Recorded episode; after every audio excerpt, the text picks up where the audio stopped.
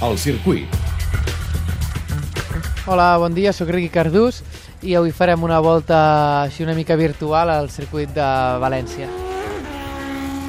Una de les rectes més curtes del Mundial,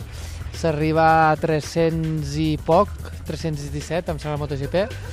i en continuem a la recta que arribem a un dels angles més, més lents del circuit, que és la curva Amic Duhan, sortim aixecant ràpid la moto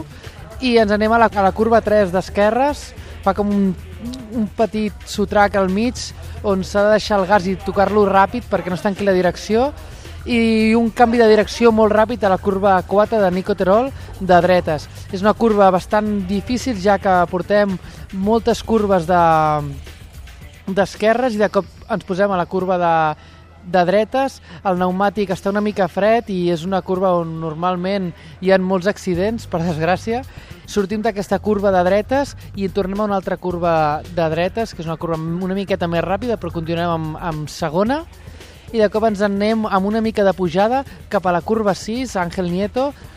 una curva on és molt important sacrificar l'entrada per sortir molt ràpid, ja que ve una recta, aixecar ràpid la moto per tindre la màxima superfície de pneumàtic. I tan punt sortim de la curva 7 és una frenada forta, una mica cega, amb la curva 8 és una mica d'inclinació d'esquerres,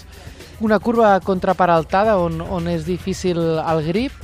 la curva 8 i la curva 9, que les dues són d'esquerres, les fem amb la moto inclinada, tot el rato amb, amb un 60-70% de gas, fins la curva 10. És una curva on es, es frena totalment amb la, amb la moto inclinada, amb la màxima confiança del, del tren delanter. Molt difícil quan, quan en aquest circuit bufa el vent, que acostuma a emportar-se-la de davant.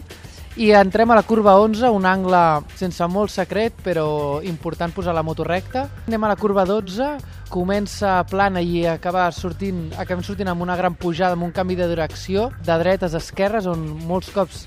estem uns quants segons amb la, amb la roda amb la roda davant alçada i ens tirem cap a la curva més maca del circuit de València, que és la curva 13, amb molta velocitat inclinant, una derrapada molt,